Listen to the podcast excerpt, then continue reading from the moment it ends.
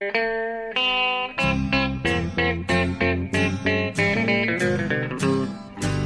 out there, we're on the air. It's hockey night tonight. Tension grows, the whistle blows, and the puck goes down the ice. The goalie jumps and the players bump, and the fans all go insane. Someone roars, Bobby scores at the good old hockey game. Oh, the good old hockey game is the best game you can name. And the best game you can name is the good Hallå, hallå, hallå, hallå, hallå, hallå, hallå, hallå, hallå, hallå. Hallå, hallå och välkomna till NHL-podcasten avsnitt nummer 248. Ja. Med Jonathan Bambi Mowgli Ekeliv i sommarvarmt Stockholm och Per Bjurman, jag alltså, i Palm Desert, California. Och här är det ännu hetare, det kan jag försäkra. Ja, om vi klagar på värmen här i Stockholm nu, för det gör man nästan. Alltså, det har varit, eh, eller klagar gör man inte, det, det är faktiskt underbart nice. Då har ju du det, ja, men det, du är värd eh, värme nu alltså. Efter den här Ja, säsongen. jag, jag klagar inte alls. Jag åker ju hit för att det är så satans hett. Men det är en torr värme som de säger, så jag slipper fukten i New York. Ja, okej. Eh, Ja, jag sitter här några dagar, men snart är jag tillbaka i, i, i New York City. Ja, ja. Men eh, några dagars vila efter awards där och eh, draften som jag kanske inte var så aktiv i här i podcasten eh, och bloggen skrev jag ju ändå. Så jag följde första, första rundan där. Det var ju intressant. Ja, det var, hände en hel del och det kommer vi prata om idag. Då kommer du vara desto mer aktiv. Förra veckan så satt jag och höll monolog här i min mockdraft.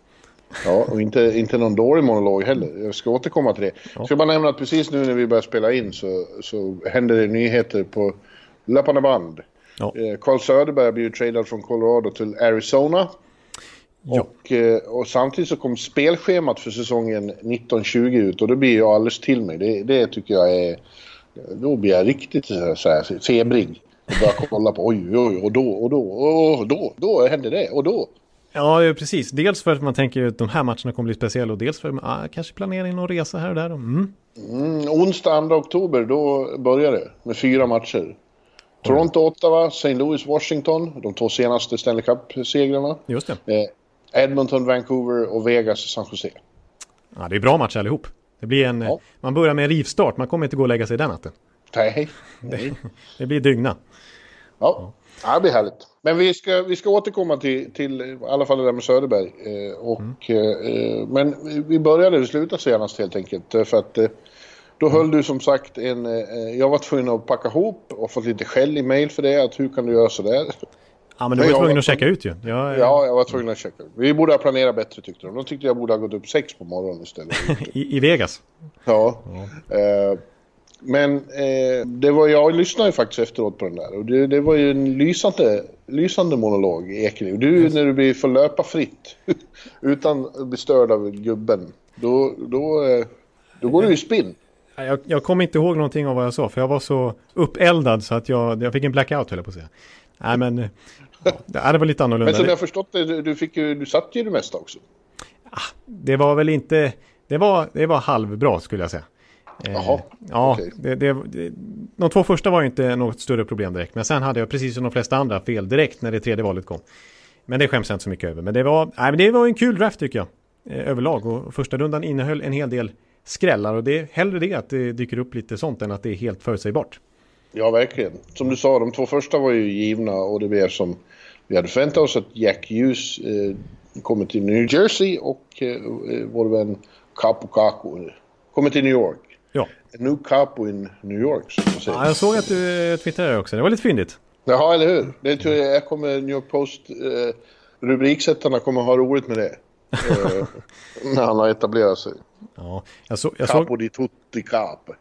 Oj, oj, oj. Italienska där också. Ja, men eh, maffians eh, kapten, det är Capo. Ja, och eh, högsta chefen är Capo di tutti capo. Oj, oj. Kaptenernas kapten. Bossarnas boss. Jag trodde det var du nästan i New York, men det, det, det, det, blir nog Capo Caco. Jag vet inte om du har fått samma mottagande på Newark som Caco fick i alla fall. Jag såg att det var massa fans som stod och skrek Capo Caco tu, tu, tu, tu, tu. Jag vet inte om jag har sett någon filma när, när den står där uppe. Per Bjurman. Nej, Hör. det har faktiskt aldrig hänt. Det har inte det? Nej. Bullen och alla har stått på Arlanda några gånger när jag kommer dit och, vink och vinkat åt. Ja, okej. Ja, Bullen vet vad han ska göra i alla fall. Ja, ja, alla med. Glöm inte bort han. Nej.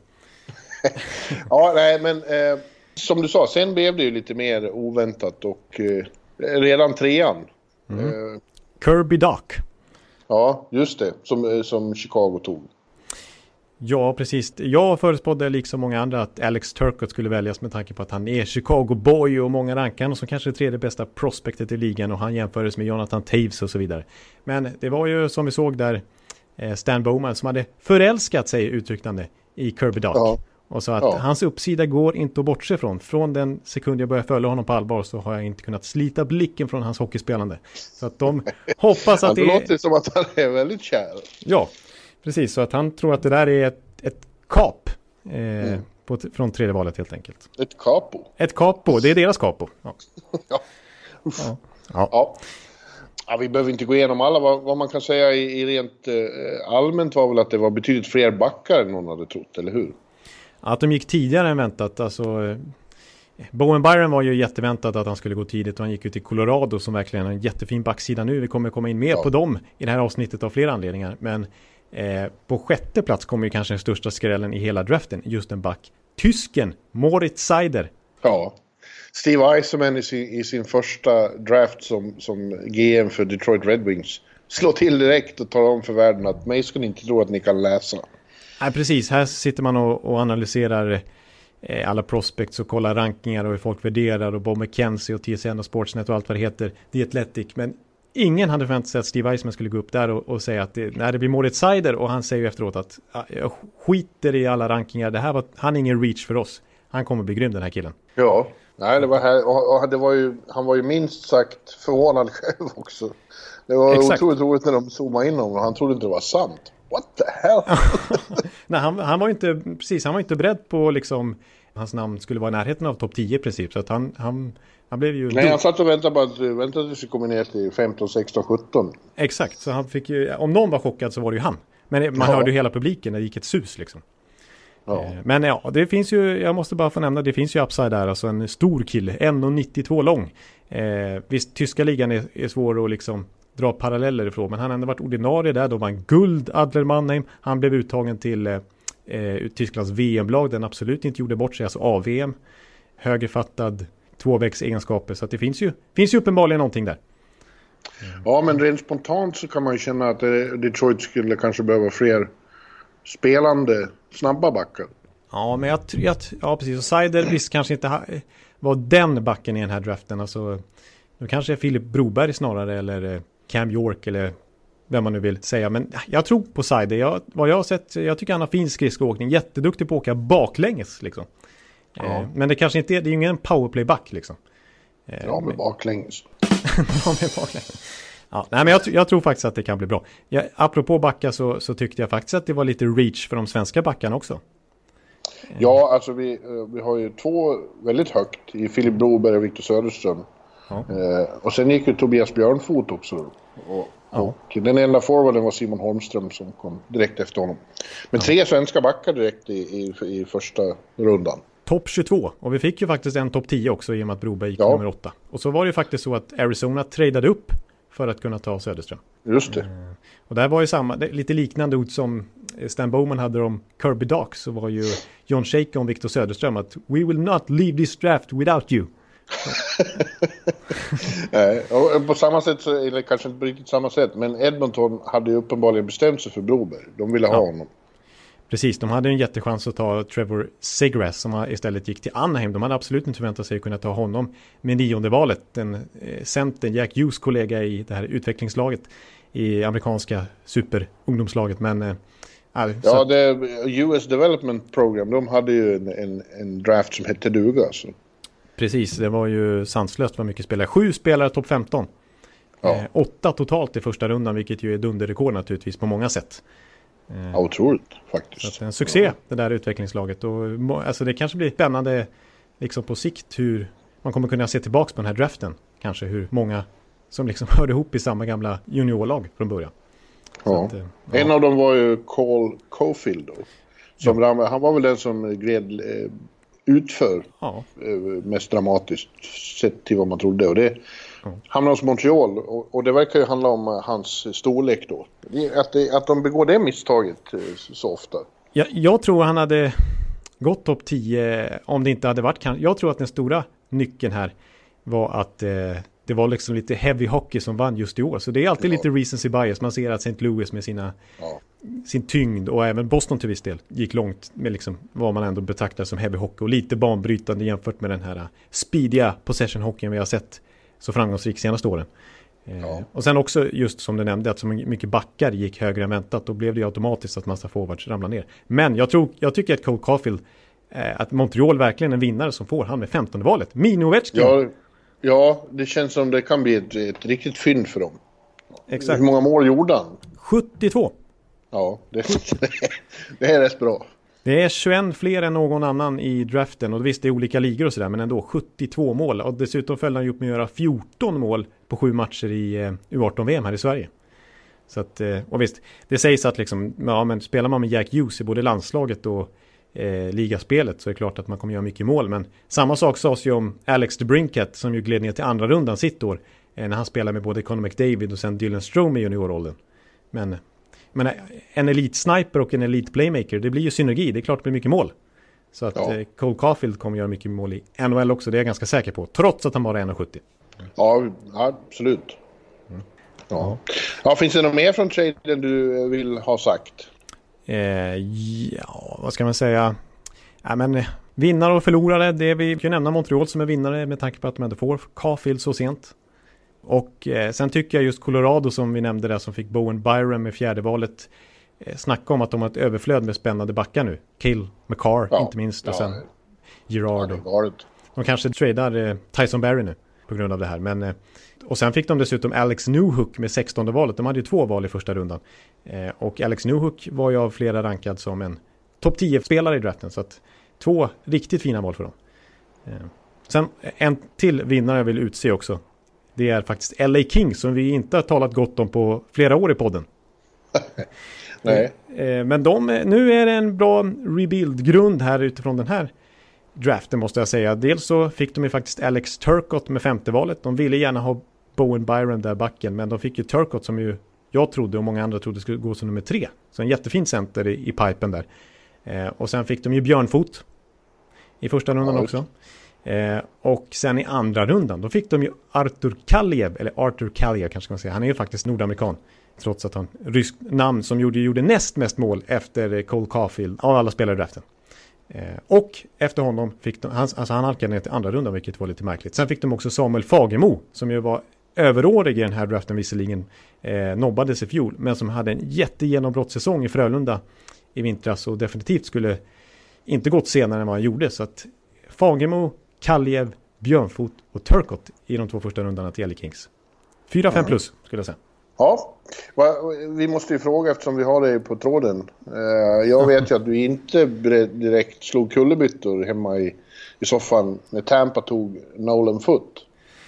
Eh, nej, det gjorde jag faktiskt inte. För att jag såg till exempel att Kaljev var, var tillgänglig där och Bobby Brink och några andra eh, spelare som jag hoppades på. Men nej, det blev det Nolan Foot och då gick de på att de så gärna ville ha lillebror Foot så att de fick två feet.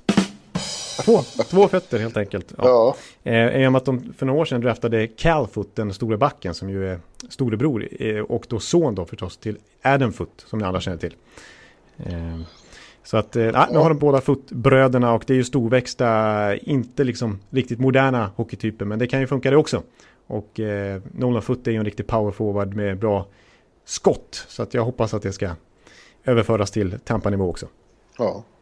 Ja, eh, jag försöker komma på något bra skämt om fötter här, men jag kommer inte på något snabbt nu. Någon slags fotövergång här. Ja.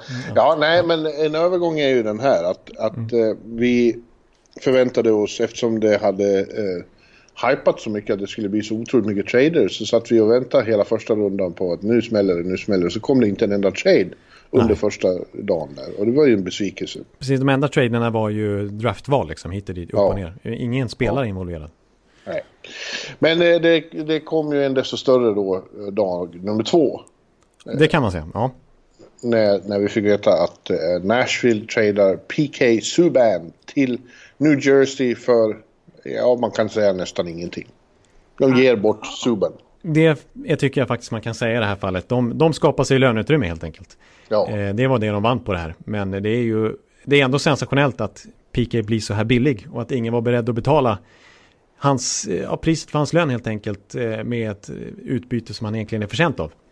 Men det var en svag marknad. Toronto var där och kände lite grann men de ville absolut inte ta hela lönen. Så att, och då sa Nashville nej. Så att, eh, ja men verkligen en blockbuster får vi säga. Och New Jersey som verkligen hamnar i fokus båda dagarna. Först Jack Hughes ja. och sen nu P.K. Subban. Vilken eh, metamorfos ute i The Rock.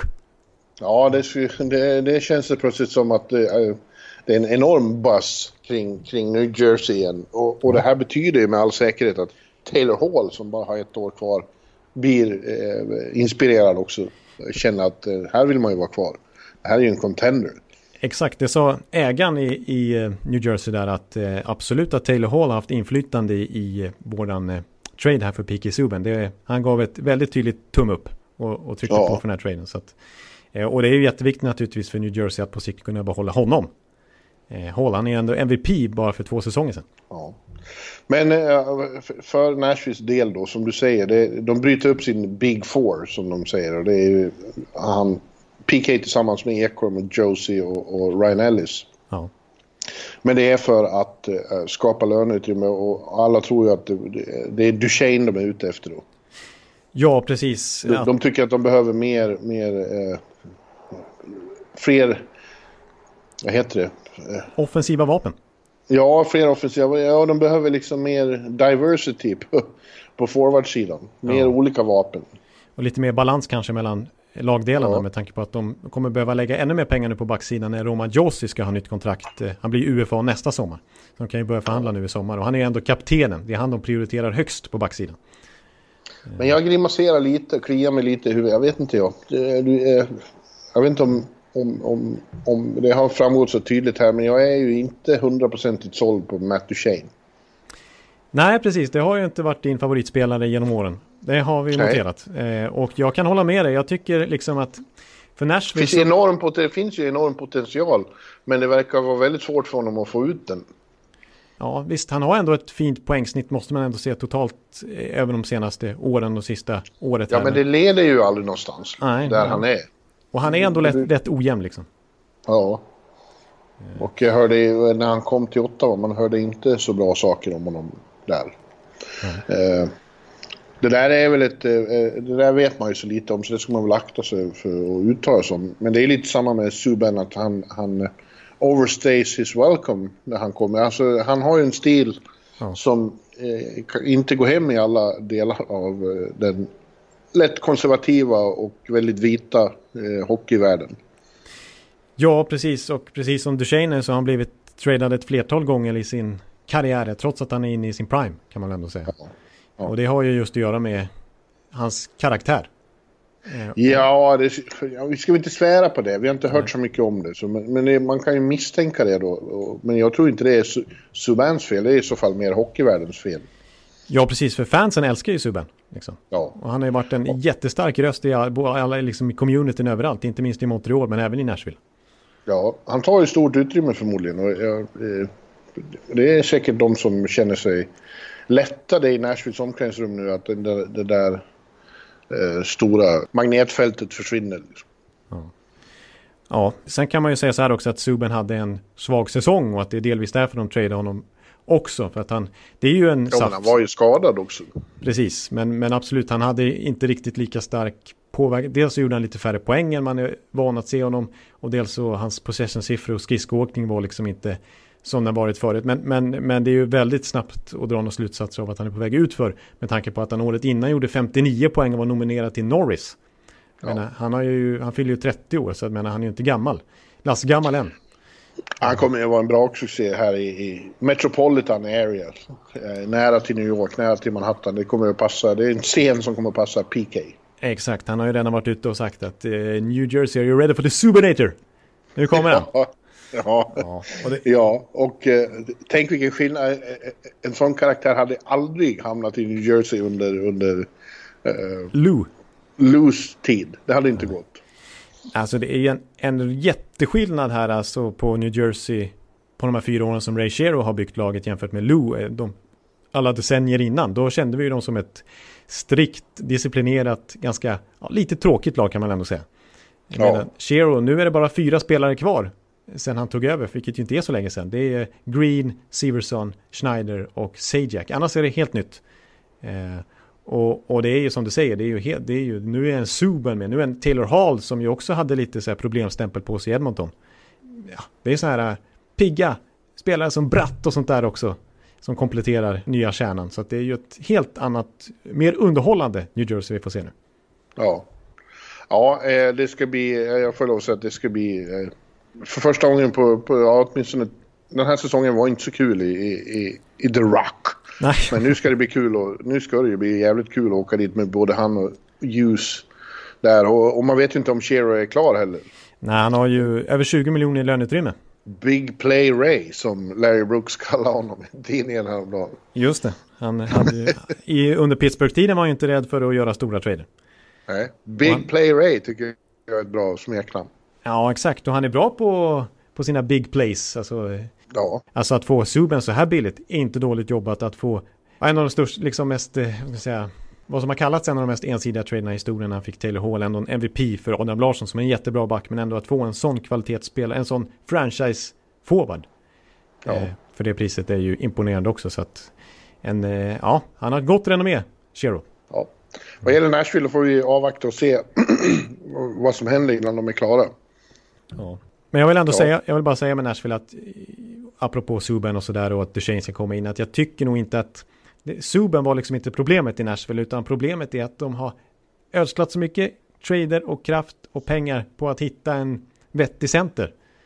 Eh, jag menar, Turris, eh, Johansson är ju bra, men kanske inte riktigt eh, hållit första centerklass hela tiden. Eh, Mikael Granlund blev ingen succé nu heller och fick ju spela ytterforward men hade ju lite andra center, förhoppningar på honom. Och nu tar de in ytterligare kanske en 10 miljoner spelare, Matt Duchene. Som ju inte, ja, om man eh, liksom nödvändigtvis är en solklar första center heller. Jag tycker du undervärderar Ryan Johansson lite ändå. För de har en satt kedja med honom och Filip och, och, och Arvi. Ja. Eh, det är en av de bästa i ligan, så det tycker du tar i lite. Ja, det, det kan Det är mer andra center, och skulle andra center bli Duchene så är ju det ändå... Wow! Ja, det, är, det, det är en bra one-two punch, det är det ju. Ja. Det är svårt och det är inte många lag som konkurrerar med den. De hade en konstig säsong här, så de borde ha varit mycket bättre än vad de var. Men ja. det, sågs, det var ju något hela säsongen som skavde och inte var rätt där. Ja. Kanske är det så att Laviolette har, har, har overstayed his welcome också. Det brukar ju vara så. Att han har succé i alla lag han kommer till i början och sen så blir det inget bra. Så blir det lite halvsmutsigt slut nästan. Så att, ja, ja det känns... ihåg Flyers när han fick sparken, var han han spel tre matcher. Ja, vem vet, hur blir det nu då? Den här säsongen? Det kanske, om, om Nashville börjar dåligt. Ja, kommer Ken Hitchcock in. ja, det, det, det, det, hoppas jag inte för Nashvilles skull, men, eh, men jag håller Phil med. Housley. Phil Housley, ja tillbaka som, eh, fast nu som, eh, inte som assistent ja. utan huvudtränare. Ja. Nej, men jag tycker ja. faktiskt att kanske att Lev Julett, hans kemi med spelargruppen inte är densamma längre. Att de inte får ut liksom det de borde få. Ja. Men du, vi har fler trader att prata om. För som sagt, sen eh, så ja, braka till. Men det, det kom ju mycket i alla fall. Och en intressant var ju då att Carolina Hurricanes tog Patrick Marleau från Toronto. Och hjälpte Dubas åtminstone lite grann i sitt extremt svåra arbete den här off-säsongen. Ja, ja precis. Det ju, blir ju bara fler och fler alltså sådana trader nu, alltså där lönetak, löneutrymme är ett jätte, en jätteasset, ett jättevärde mm. i det och där lag som Tillgång. har det, Tillgång, precis. Där, där lag som har det kan verkligen utnyttja det. Alltså New Jersey med Subban och så nu Carolina som får ett första val av Toronto för att ta emot Patrick Marlowe. Ja. Och de, de, nu ska de försöka övertyga honom att stanna där, men om han inte gör det så får de visserligen köpa ut honom, vilket blir en kostnad. Men det är ändå ett högt pris att få, att få ett första val för det, så det ska de vara glada för. Men, men samtidigt så tycker jag för, för Torontos sida så är det... Ja, de höll ju Marlowe så pass högt när de skrev det här treårskontraktet 2017. Men man såg ju då liksom, vad, vad tänker de med det här tredje året? Varför gör de det här? Då kommer Nylander att skriva på ett nytt kontrakt. Samma sak liksom gäller för Marner och Matthews. Eh, det kommer, den ekvationen är omöjlig att få ihop. Ska ni då prioritera en 39-årig Patrick Marlowe? Liksom? Ja, eh. det finns en väldigt intressant koppling i det här till, till den nuvarande situationen i San Jose. För det var ju så att Marlowe ville ha tre år. Ja. Uh, Wilson i San Jose såg att det där tredje året, uh, det är ett år för mycket. Ja. Uh, nu sitter han med Joe Pavelski. Vill ge honom två år medan Pavelski vill ha tre. Ja. och erfarenheten säger rimligen Wilson att eh, titta här vad som hände ja. med det där tredje året. Exakt, när de har kommit upp i den här åldern. Så ja. extra, eh, blir de varje år blir otroligt värdefullt. Ja. Mm. Och skulle... Att, men, å andra sidan vill ju Marlow tillbaka tydligen till San Jose för ett år till där.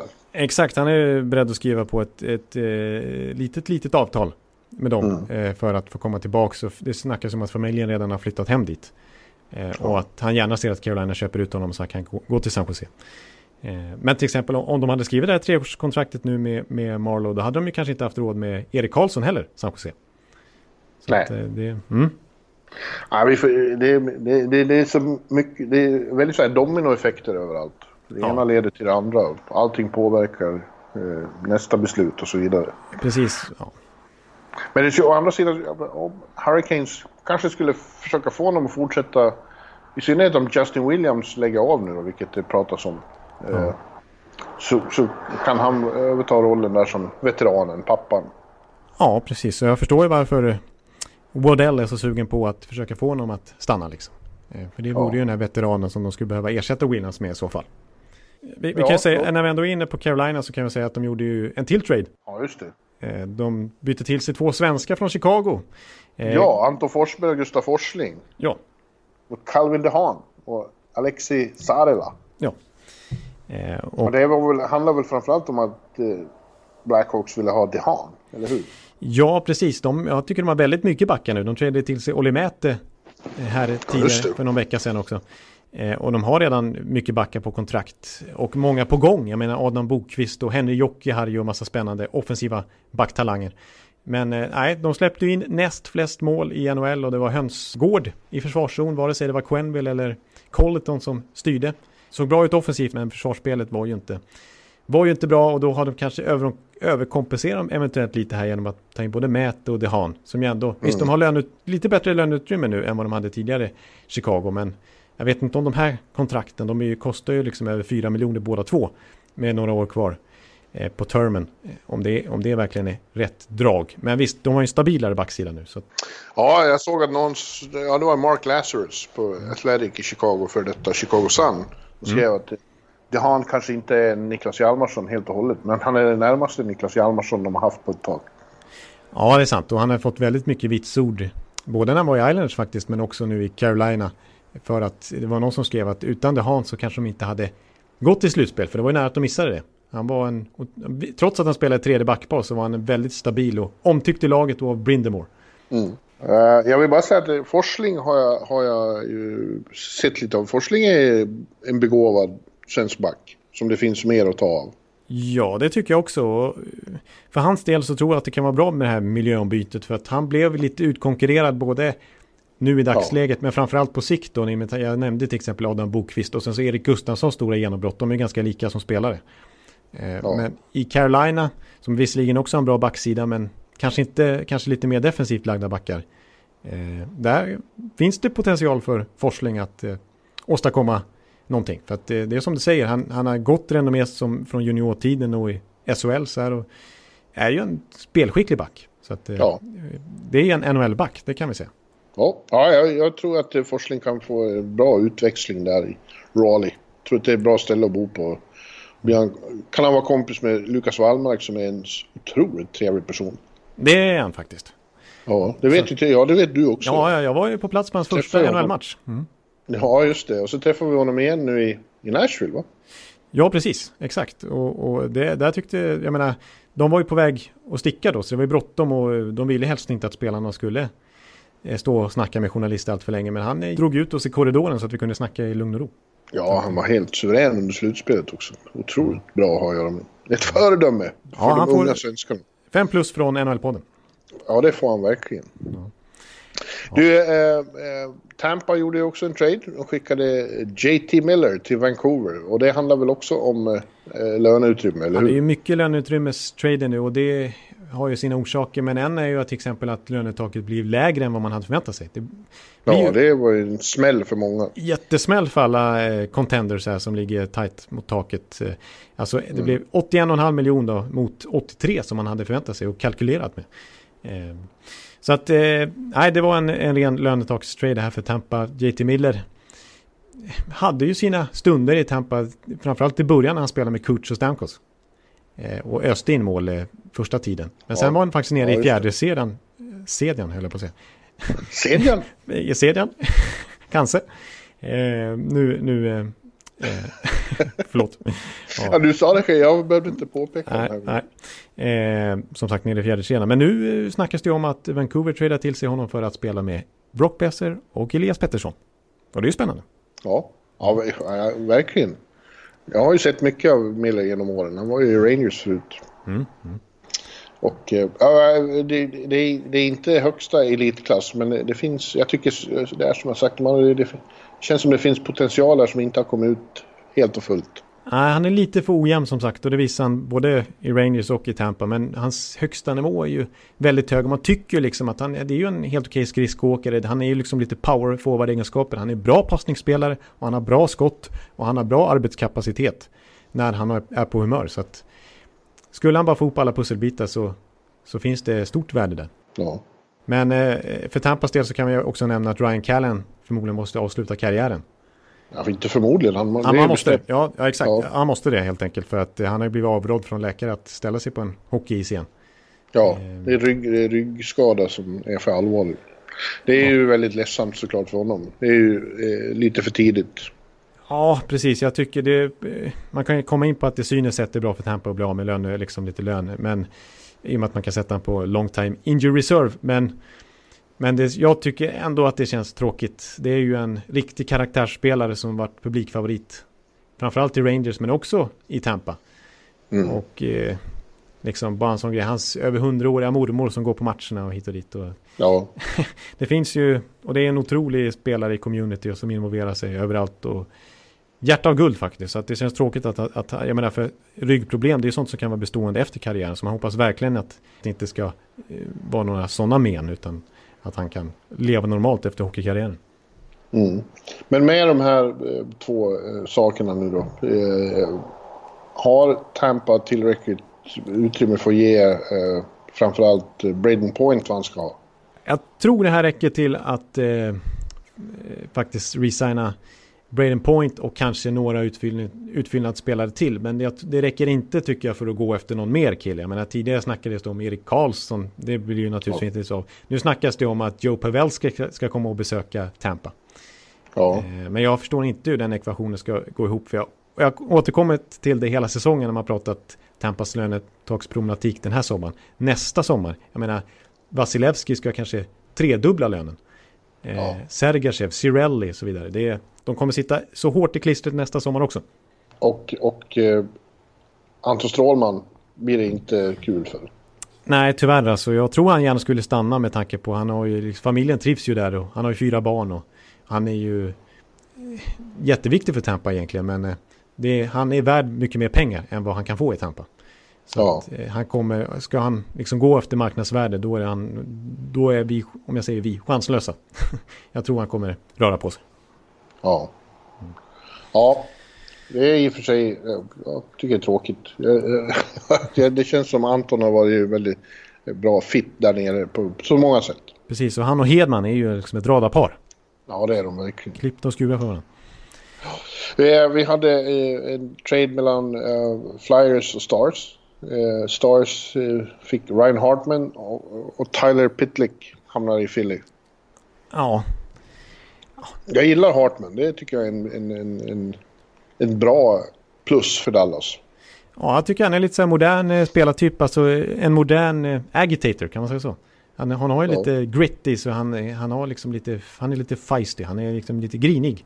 Men, mm. men han är ju också en snabb och liksom offensivt skicklig spelare. Som visserligen inte liksom riktigt slagit igenom än. Men jag, jag håller med om det också. Tyler Pitlick, det är ju, det är ju mer en en renodlad grinder skulle jag säga. Ja. Och Dallas behöver ju målskyttar. Så att, ja, jag tycker, jag håller med dig. Dallas plus på den traden. Ja, det blir final mellan Dallas och, och Tampa. Jaha. Ja, där kan jag avslöja för tittarna att där kom det, ja kanske det tredje. Tittarna? För, för lyssnarna. Att där kanske kom det, det tredje Stanley Cup-tipset från Per Bjurman den här säsongen. Det kommer komma fler. Ja, hur många kom jag upp i eh, förra säsongen? Ja, jag har uppskattat till 59. Ja. Finalpar, ja, ja, ja, ja. Ja, det kommer komma fler. Ja. Ja, men eh, snart börjar vi närma oss lite vår UFA preview tycker jag här. Men vi kan ju nämna också, ja vi ska säga, säga någonting om Carl Söderberg-traden. Men vi kan ju nämna också att William Karlsson har kritat på. Ja men vi kommer till UFA, det får vi Ja. ta i UFA, UFA okej. grej. Det kommer alldeles strax. Mm. Låt oss avsluta trade, de trader vi har hittills. Som sagt med Carl Söderberg till eh, Arizona från Colorado. Mot, Ja. eh, ja det, handlar ju också om att, att skapa utrymme i, i Denver. Precis, han har ju en lön på drygt fem år, äh, fem, fem, eh, Fem, fem dollar i fem miljoner år. ja det blev det helt kon- konstigt. Fem miljoner dollar. Den skulle vara bra. Ja, det hade- du, har, du har det här kontraktet i fem miljoner år nu, Carl. Ja, det hade varit, eh, Många generationer Söderberg kommer att, att få fem dollar om året. ja det är i och för sig, det, det, han ska ju tänka så på sina kommande barn, alla kommande generationer. Ja. Men eh, det, är som sagt, det, det är uppenbarligen någonting mer på gång i Colorado som verkar vara en big player den här sommaren. Eh, och eh, tydligen ska de då ha en, en ny andra center istället för Carl Söderberg. Som jag visserligen tycker fick revansch sina sista år i Colorado. Oh ja. Mer eller mindre börjar leva upp till det där dyra kontraktet. Eh, jättebra defensivt har han ju utvecklats till. Liksom i SHL så kände man honom som en poängmaskin. Men han har ju blivit en riktig tvåvägscenter. Och eh, gjorde ju en hel del poäng framåt också. Jag tror att han är lite ledsen över det här. Jag tror, det känns som att han har trivts väldigt bra i Denver och i Colorado med Landeskog och med andra. Men eh, han får komma till en av de trevligaste ställena att bo på i hela NHL. Eh, i, I Phoenix eller runt Phoenix där och, och Scottsdale. Och, och han får ju fina lagkamrater i, i Oliver och Hjalmarsson. Precis, och eh, Arizona, jag menar, Ja, det är ändå ett framtidslag. Det är, inte, det är ingen slagpåse längre. Liksom. nej, nej precis, de var ju väldigt nära att gå till slutspel. Trots Ja. att halva laget var skadat. Så att eh, ett skadefritt Arizona en hel säsong, det är ju kanske ett slutspelslag. Du hade ju dem som en outsider redan i fjol. Ja. Att, eh, det kanske blir ett eh, slutspelstips även den här säsongen. ja, jag tror det blir Arizona Rangers i final. Ja, nummer fyra är vi uppe nu. Det är bra. Ja, den finalen skulle vara... Den hade varit sjuk. Om du, om du sätter den nu här den 25 juni eller vad det är. Ja, jag borde åka tillbaka till Vegas och spela på det kanske. Ja, just det. Ja, då, eh, då kan du eh, lägga ner allt. Ja. Ja. Ja, men du, eh, förmodligen kommer vi att se fler trader de närmaste dagarna, närmaste timmarna kanske. Och sen på måndag är det väl då som vi har Free Agency öppnar. Precis, på måndag är det första juli och, och är det är väl 18.00 svensk tid. At noon. Eh, Mm. Amerikansk tid som gäller.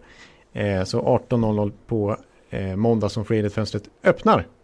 Ja, då kommer, men det är ju just det, det stänger inte som det är när... när Nej, det är sant. Vi, så att det måste inte bli samma explosion av grejer utan tvärtom brukar det ju somrigt ha en tendens att dra ut på tiden då. Ja. På sommaren. Men, eh, men nog kommer det, ju jävligt mycket som måste, eh, som måste ordnas både på UFA och RFA-sidan. Ja, precis. Men jag, jag, jag tror det kan smälla till en del. De har ju ändå, de har ju från och med i söndags här nu så har de haft möjlighet att intervjua andra klubbar. Möjlighet att intervjua spelarna och det kommer ju rapporteras om möten hit och dit mellan olika spelare och klubbar här nu i dagarna. Så att eh, mycket kommer säkert vara klart till måndag. Ja, och de största, några har vi redan nämnt här i, i Joe Pavelski. Det är ju, är ju ett riktigt tungt namn här. Eh, Ja. Det, det känns så konstigt att han inte skulle vara i San Jose, men vem vet? Nej, precis. Jag tycker också det känns konstigt och det faktum att visst, Marlowe offrar dem till slut då, men eh, annars har de verkligen hållit ihop de där killarna. De är ju sånt gäng, de är ju så bra kompisar. Jag menar, Pavelski, Thornton, liksom och Couture och Burns och hela... Varför ska de splittras? Ja, men Ja, nej, men det, är för, det handlar ju om pengar. Han vill väl inte spela gratis, Pavelski heller. nej, precis. Och det är ingen annan hittills i San Jose som har tagit någon paycut liksom, utan de har ju fått marknadsvärde, Burns och Vlasic och Couture och, och så vidare. Så att, Ja. varför ska just Pavelski göra det bara för att de ska hålla ihop hela kärnan? Så att, eh, Nej, det kan ju bli så att, eh, ja, det kanske är Colorado, som du just nämnde. Ja, de har ju nämnt som ett alternativ. Eh, som sagt, han, det sägs faktiskt enligt LeBron att han ska besöka Tampa, även om jag tycker det låter konstigt. En bra fit enligt mig är ju Dallas, som han också ska besöka. Eh, Ja. de, de kommer förmodligen inte kunna förlänga med Zuccarello vad det verkar. Och, Nej, han ska ju ut på öppna marknaden, Mats. Det var ja. som fan faktiskt. Ja, faktiskt. Han som kände som att han trivdes så bra där. Och en annan veteran som kommer lämna är Jason Spetsa. Så det har ju öppnat sig i löneutrymme och de är ju ett lag som verkligen går för det. Det var därför ägarna gick ut och kallade dem för hårshit i vintras där. För att eh, de ska ju vinna Stanley Cup nu Dallas när de har i den här fasen liksom. Så att eh, på det viset skulle Pavelski passa in bra där. Han skulle få marknadsvärde i Texas eh, som man inte har ens har delstatsskatt och så vidare. Så att det är en bra fit in. Quality sleep is essential for boosting energy, recovery and well-being. So take your sleep to the next level with Sleep Number. With a Sleep Number smart bed, you can individualize your comfort level and enjoy a better sleep night after night. JD Power ranks Sleep Number number 1 in customer satisfaction with mattresses purchased in-store. And now the Queen Sleep Number C4 smart bed is only $1,599, a saving of $300 only for a limited time. For JD Power 2023 award information, visit jdpower.com/awards. Only at Sleep Number stores or sleepnumber.com. Ja. Eh, vilka mer tunga? Ja, alltså allra högst, allra tyngst, det måste ändå vara Panarin. Ja, vi har Panarin och, och Bobrovski och det går ju, det pratas ju mer och mer om att de kommer som ett, som ett paket till Florida. Ja, ja, precis exakt. Det är så mycket som talar för Florida. Vi har ju pratat om det många gånger, men det är ju Alltså dels är det för att Florida så öppet vill ha dem. De säger, de säger det är ingen hemlighet att vi går efter båda två. Eh, dels för att de har en lägenhet. Eh, båda två har varsin lägenhet i Miami-området och trivs jättebra där och befinner sig där just nu. I, idag ska de prata med, med Florida, med Panthers helt enkelt. Och de liksom gillar att ha semester där under säsongerna också. När det väl mm. öppnar sig luckor. Och sen så, jag menar, i första kedjan i, i eh, Florida. Det spelar Barko som pratar ryska. Det spelar Dadonov som är en gammal lagkamrat till Panarin i Sankt Petersburg. Eh, så att, jag menar, tänk dig Panarin, Barkov, Dadonov i första kedjan. Inte dumt.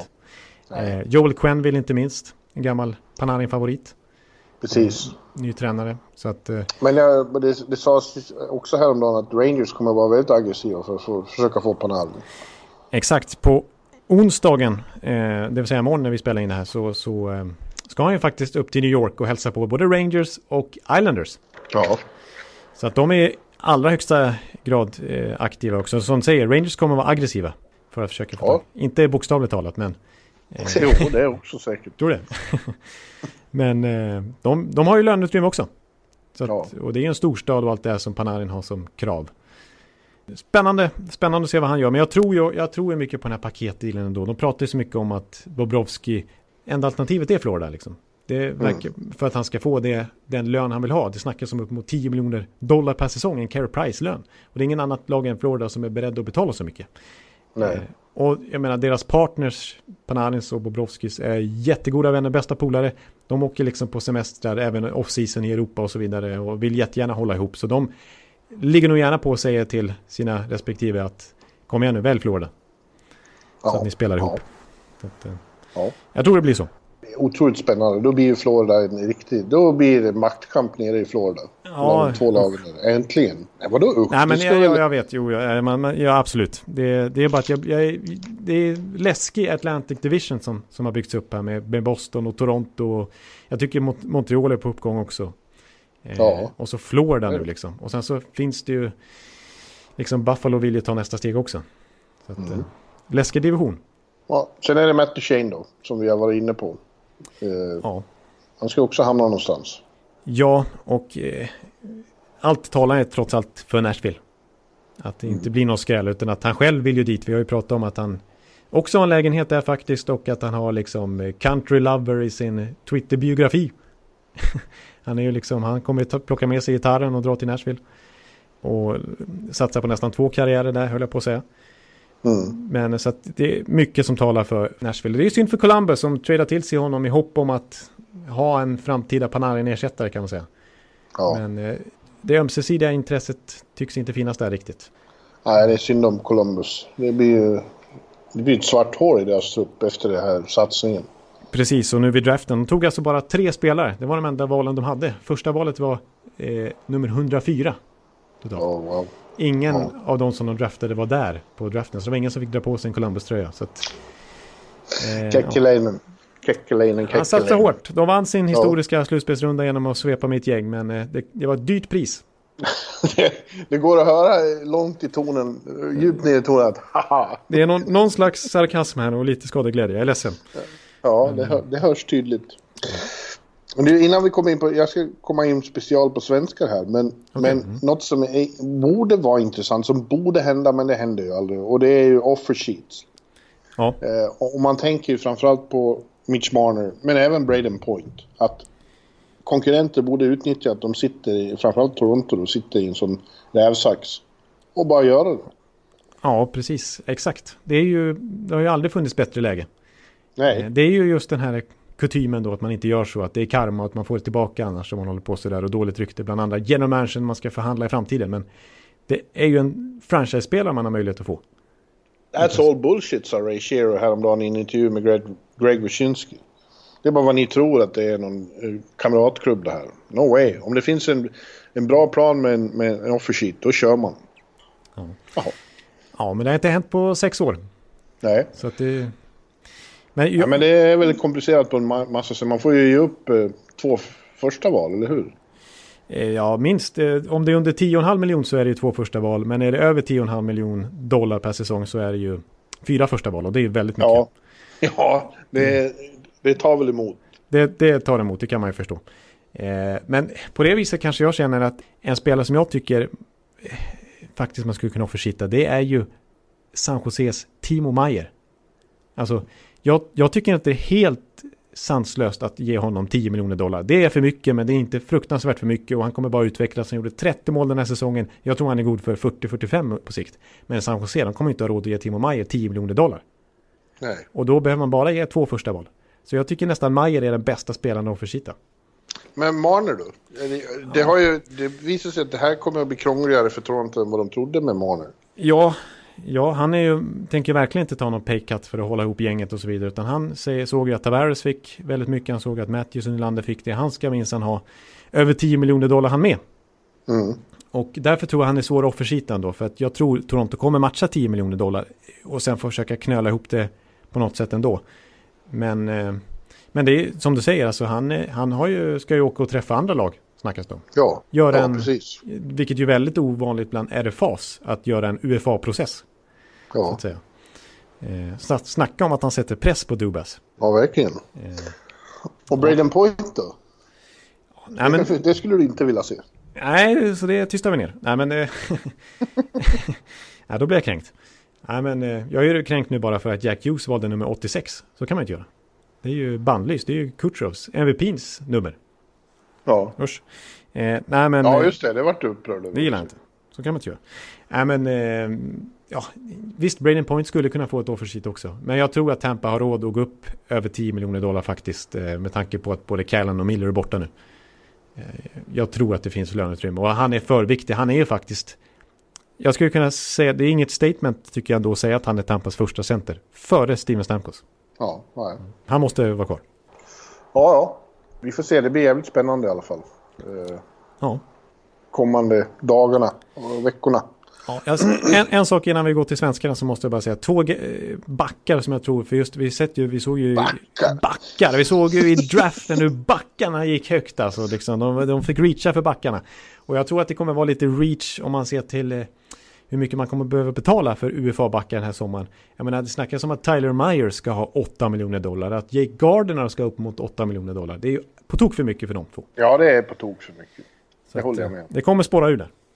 Ja. Ja, men vad gäller blågula specialen här då så har vi två stycken som redan har skrivit på nya kontrakt. Eh, Alex Edler eh, skrev ett, ett för alla parter utmärkt kontrakt på två år bara. Med ja. 6 miljoner per år.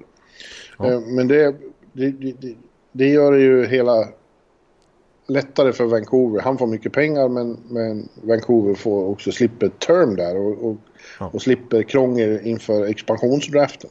Precis, det är lite som med det här med Marlowe, eh, skillnaden på två och tre år till exempel. Och i det här fallet ja, ja. extra mycket med just expansionsdraften också. Ja, och Alex får vara kvar i, i, i Vancouver som han uppenbarligen helst ville då. Ja, så det är en win-win. Mm. Ja. William Karlsson, eh, Wild Bill. fick ja. ett desto längre och större kontrakt med Vegas till slut. De, ja. de tror att 43-måls William snart är tillbaka.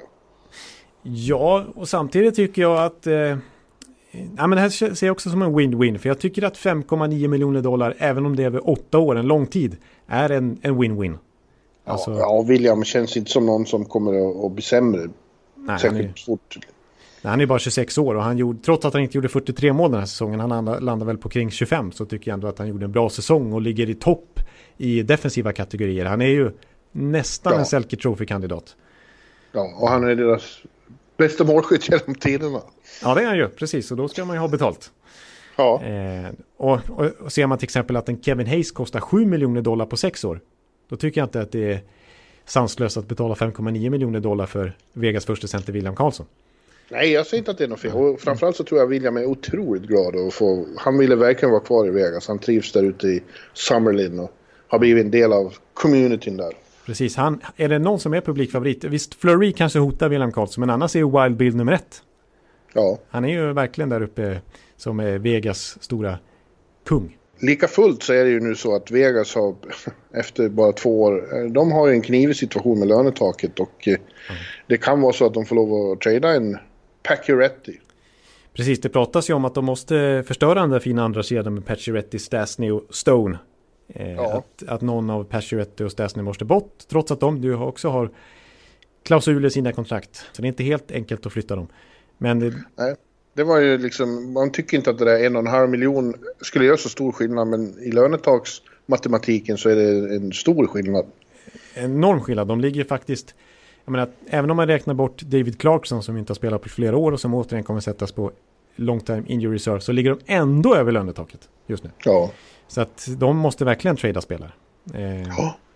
Och det kan ju andra lag dra nytta av att liksom, om, om inte Vegas tradar då bryter de mot reglerna så de måste ju trada så de har ju inget bra förhandlingsläge på det viset. Nej, exakt. Att, det blir intressant att se vad som händer där. Eh, men annars tycker jag att och det har vi Men det, nog är det intressant att ett lag som inte fanns för två år sedan redan befinner sig i den situationen. Exakt, det är ju en otrolig, otrolig resa de har gjort på jättemånga sätt. Men ett sätt är ju det faktum att de i, i expansionsdraften gick efter unga spelare, framtidsspelare. Mm. Men eh, nej, nu har de ju växlat upp totalt. Kastar den där gamla kalkylen i papperskorgen och, och är en contenderlag som satsar som en contender. Ja. Eh, jag menar, bara en sån sak som att de hade tre val i första rundan sin första draft, alltså efter expansionsdraften i sin första riktiga talangdraft. De tog Cody Glass, Nick Suzuki och Erik Brännström. Tre jättetalanger faktiskt, de alla kan bli riktigt bra NHL-spelare. Men både Erik Brännström och Nick Suzuki har offrats för Pacioretty respektive Stone. Eh, ja. Contender-värvningar helt enkelt. Hörde du att jag åker förbi en gräsklippare ute? Vi har balkongen öppen här. Ja. ja, men det är trevligt. Ja, bara så du vet. Mm. ja. Eh, men vi har fortfarande, ja man ska ju säga det om Vegas också, det är också otroligt att de är ju faktiskt en, en, en, en superpower redan. De, de, känns ju som ett av de hetaste lagen. Ja. Eh, och det har de gjort sen de startade nästan. Ja, ja precis och det är ju jag menar det är ju uppenbart att spelarna vill dit. Det var ju liksom ett frågetecken. Hur ska, det, hur ska allting egentligen flyga där? Men det är ju uppenbart att kolla en sån sak på hur långa kontrakt spelarna skriver. De är beredda att gå ner i lön för att få längre term. William mm. Karlsson är ett exempel, men jättemånga andra. Nate Smith, Shea Theodore, kanske Stone till viss del. Alex Tuck och massa sådana där spelare också. Eh, så att. Eh, det, är, det, är, det är en klubb som spelarna vill vara i. Ja. Och då är, har man ju ett jättebra utgångsläge. Ja. Eh, nu ska jag komma till mina svenska namn som fortfarande är kvar på den här listan. För det är ju väldigt många. Och de ja. tyngsta först då. Det är ju Gustav Nyqvist, Marcus mm. Johansson, eh, Anton Strålman, Robin Lehner. Mm. Mm. Men utöver dem har vi också eh, Mario Kempe, Kronvall, eh, Fantenberg, Per Järvi som Ottawa har sagt att de inte tänker ge något nytt kontrakt. Kryger, Kryckan. Just det. Patrik Nemeth, Carl Gunnarsson, Per Lindholm och Tim Hed. Alla de är UFAs. Ja, det är väl... Det känns som NHL-spelare allihop att de kunde hitta nya arbetsgivare. Ja, framförallt de här tyngsta, alltså Nyqvist kommer att få kontrakt och sånt, men det, det känns som det kan bli precis vart som helst. Ja, ja precis. Det är svårt att nämna. Alltså Colorado har ju nämnts... San Jose kommer inte att kunna ha kvar honom. Nej, det är helt omöjligt för att Han gjorde ju, det är som vi pratade hela säsongen, han peggade upp perfekt för en fin UFA-sommar här. Han gjorde ju sin bästa ja. säsong på länge. Ja. Och eh, både i Detroit faktiskt och San Jose. Så eh, nu kommer gräs, gräsklipparen här igen. Ja, det gör den. nu är det en ny vända. Ja, nej, men han... han nu åker närmare. Oj, oj. Åker in i vardagsrummet. Oj, oj, när den åker rakt in. Nu, nu får du nästan flytta på dig Bjurman så att du inte blir överkörd. Oj, oj. Oj, oj, oj. Jag har en golfbana utanför fönstret. Så man måste klippa den eh, dagligen. ja, men eh, Nyqvist, jag tror han kan få upp mot 6 miljoner, 6 miljoner dollar per säsong. Alltså det är så pass. I alla fall över 5 miljoner dollar. Ja, men låt eh, få en chansning på vart? Eh, ja. Alltså jag, jag, Colorado, nu ska de ha någon center uppenbarligen. De kanske tradar för jag tycker inte det finns så mycket bra centra på UFA-marknaden. Men det pratas ju om Zuccarello eller Nyqvist i Colorado. Ja. Men jag vill säga det att om jag skulle vara UFA, om jag skulle vara Gustav Nyqvist, då skulle jag jättegärna skriva på för Colorado. Det var lite som vi nämnde i Carl Söderbergs fall. Det är säkert fint att bo där i Denver, även om det inte är så varmt och även om Panarin inte vill, det inte finns något hav och så vidare. Men de har ju ett jättespännande lag på gång. Vi har pratat om backsidan, men jag menar, de har ju den där superförsta serien och de har löneutrymme därutöver att kunna skaffa sig en bättre bredd. Ja. Så att, menar, Colorado kan ju vara en contender. Jag tycker han ska komma till New York. Jaså? Mm. Ja. Eh, hästpolo på New förstår vad roligt du skulle ha i bloggen. jo, det förstår jag. Det förstår jag. Ja, sen Marcus då, Johansson, han stärkte också sina aktier och jag, jag läste någonstans nyligen att Boston eh, verkligen undersöker möjligheten att kunna behålla honom. Ja, han var ju en superfit där i deras topp 6. Eller ja, det blev ju faktiskt topp 9. Han spelade ju tredje kedjan, men det var ju kanske deras effektivaste kedja i, i många matcher i slutspelet. Ja. Men han har ju, det är ju samma sak, han har höjt sitt marknadsvärde. Han ska ju ha över 5 miljoner dollar. Ja. Mm. Och jag har i sin tur läst att, att Washington undersöker möjligheten att försöka få tillbaka honom. Ja, mm. förstår jag. Eh, vad sa vi mer? Strålman då? Eh, han kommer att få kontrakt någonstans. Frågan är var. Ja, där känns det som att jättemånga lag skulle, borde vara intresserade. Ja. Eh, ett lag som jag har sett nämnts, som ju visserligen är konstigt då med tanke på att de har lönetaksproblem eh, och han lämnar ett lag med lönetaksproblem. Det är faktiskt Toronto. Ja, just det. De, de har det var ju... där han startade sin NHL-karriär. Ja, det var inte där han slog igenom direkt. För han hann ju avverkat en rad klubbar innan lyftet kom. Och han mm. verkligen fick förtroende någonstans. Men Toronto behöver ju högerfattade backar och de har inte så mycket ordinarie backar längre. Ron Ainsley har inte skrivit på än. Eh, Travis Dermott är skadad så de enda två ordinarie backarna som just nu är på kontrakt det är ju Mussin och, och Riley. Men de måste ju värva. Eh, ja, Seitzer förstås också men han vill de ju trada. Ja. Så att eh, Strålman skulle vara en jättebra fit där om de, men då är ju lönen den stora frågan. Ja, precis. Han vill nog ha hyggligt betalt, skulle jag tippa. Ja, jag tippar att, att eh, på, liksom, ska han bara gå efter lön så skulle han kunna få över 5 miljoner dollar. Ja. Mm. ja. Åtta va? Ja, det är... Det, ja, precis.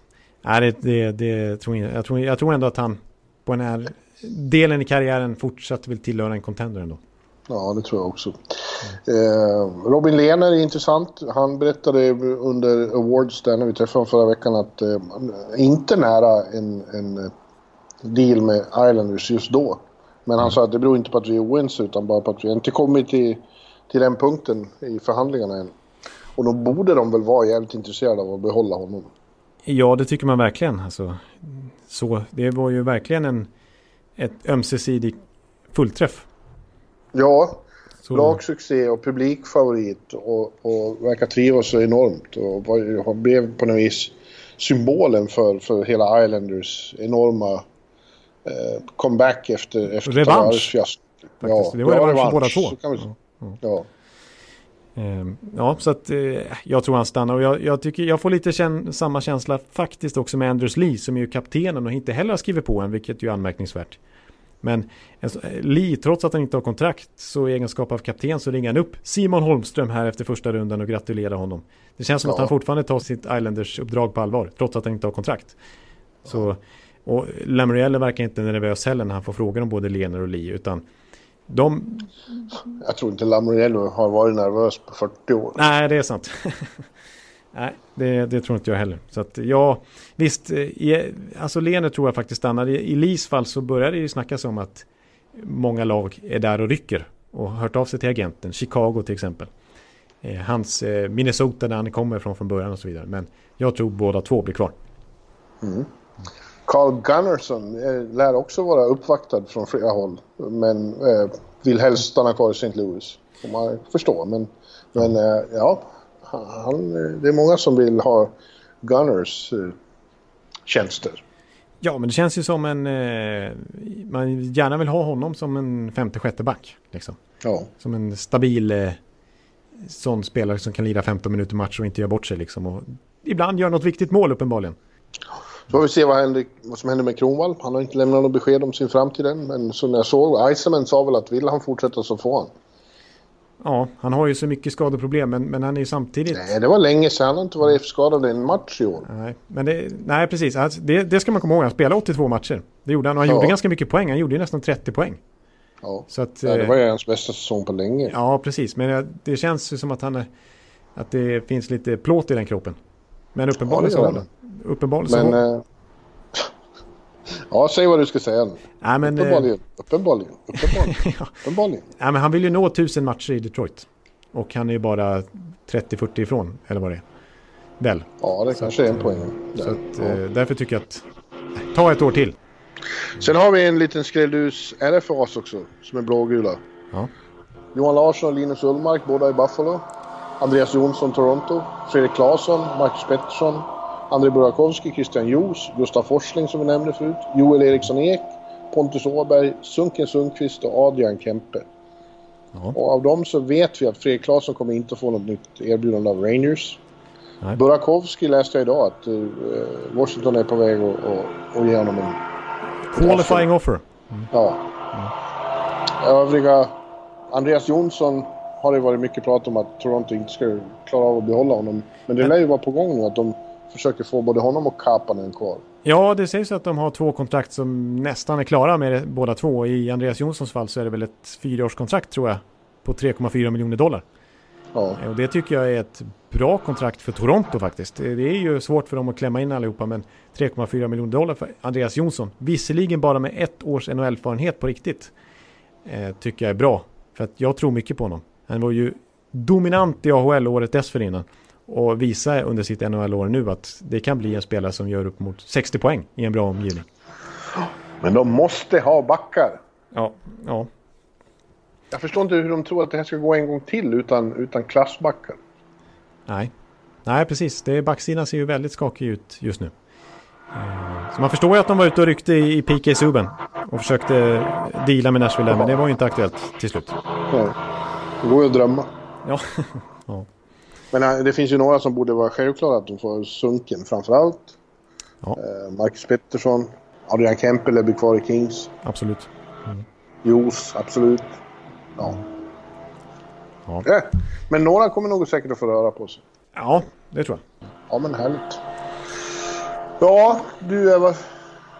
Börjar vi bli klara eller? Ja, vi kanske är klara för den här gången. Vi kan väl bara nämna nu att vi hinner spela in några timmar innan eh, Eh, och jag kommer hinna klippa först efteråt så det är lite oturlig timing men det är ju faktiskt Hall of Fame-läge just nu. De ska välja in eh, fyra spelare från NHL. Eh, ja just det och det kan bli Alfie. Det kan ju bli ja, Alfie. När vi startade så sa du till och med att du är hundraprocentigt övertygad om att Alfie blir invald idag. Ja, precis. Och sen så drog jag ner lite grann. Men, men jag tror att när lyssnarna hör det här så har Daniel Alfredsson blivit invald. Och då säger jag grattis till honom. Jag, jag jinxar tyvärr kanske lite nu, men jag säger att nej, grattis Alfie, du är med i Hall of Fame. Som bara blott femte svenska spelare. Ja, vilken jinx. Ja, men han kommer in. Du är som han, eh, du är som eh, St. Louis Dispatch som skickar ut annonserna för tidigt. Precis. Ja, nu ska jag, eh, tror jag, gå till Polen och lägga mig och studera spelschemat mer ingående. Ja, trevligt. Ljuvligt att se eh, vart, eh, när de, den och den kommer hit och vart man ska och så vidare. Ja, exakt. Jag ska nog börja planera lite där också. Det kan ju bli ett antal NHL-resor den här säsongen igen. Ja. Så det ser vi fram emot. Men, ja, men då tackar väl för den här veckan. Och sen så återkommer vi. Vi har väl en liten plan på eh, att spela in två avsnitt till den här säsongen om vi kan kalla det. Ja visst, först mm. så kommer det väl ett eh, runt eh, Free Agency och sen kommer vår vanliga stora sammanfattning. Precis, kort efter första juli där. någon gång så kör vi en, eh, en summering av vad som hänt första dagarna av Free Agency-fönstret. Men sen kör vi våran årliga genomgång av samtliga lag. Ja. ja. Och det blir dessutom avsnitt nummer 250 i så fall. Exakt. En riktig jubileumsavslutning helt enkelt. Ja. Ja. Så det. Men du, då får jag tacka för idag då, gode Ekeliv. Ja, men tack så mycket Bjurrebjupp. Ja, för jag, får, jag får ju tacka för... Jag fick ju boosta dig på Twitter när jag fyllde år häromdagen också. Det får man ja, ju tacka för. Det, hur det, det ska vi nämna i podden också, att eh, det är så här. Eh, om 250 var ett eh, jubileum för oss så är det ju ännu större att Per Bjurman har precis fyllt år. Grattis! Ja. Stort hurra, grattis! Hurra, hurra, hurra för Per Bjurman. 52 år i söndags. ja. Ja, tack ska du ha. Och det firar du förstås eh, på, ja, inte så dumt ställe eh, i Kalifornien helt enkelt. Precis. Mm. Ja, men du, nu eh, så säger vi tack för den här veckan och så, ja. ja, vi återkommer nästa. Ja, på återhörande allihopa. Hej, hej! Hej! Hallå, hallå, hallå! Hallå, hallå, hallå! Alex Chiazot, Joe Luis Arena och Esposito. Esposito. Uttalsproblem, men vi tjötar ändå. Och alla kan vara lugna, inspelningsknappen är på. Bjuder Hanna Kohl, han är grym i sin roll. Från Kållesoffan har han fullständig kontroll på det som händer och sker. Det blir ju allt fler som rattar in hans blogg. Och lyssna på hans podd. One, two, times speed, so Hallå, hallå, hallå! One, two, times speed, so Hallå, hallå, hallå! Ekeliv, som är ung och har driv. Verkar stor och stark och känns allmänt massiv. Han hejar på Tampa och älskar Hedman. Sjunger som Sinatra. Ja, och det ser man. Nu är det dags för refräng. Dags för magi, Victor Norén. Du är ett geni. Så stand up at home and remove your hats. Höj volym, för nu är det plats. One, two, times speed, so Hallå, hallå, hallå! One, two, times speed, so Hallå, hallå, hallå! One, two, times speed, so Hallå, hallå, hallå! One, two, times speed, so Hallå, hallå, hallå! Det är otroligt länge sedan båda samtidigt var så här bra. Hallå, hallå, hallå! Det är otroligt länge sedan båda samtidigt var så här bra.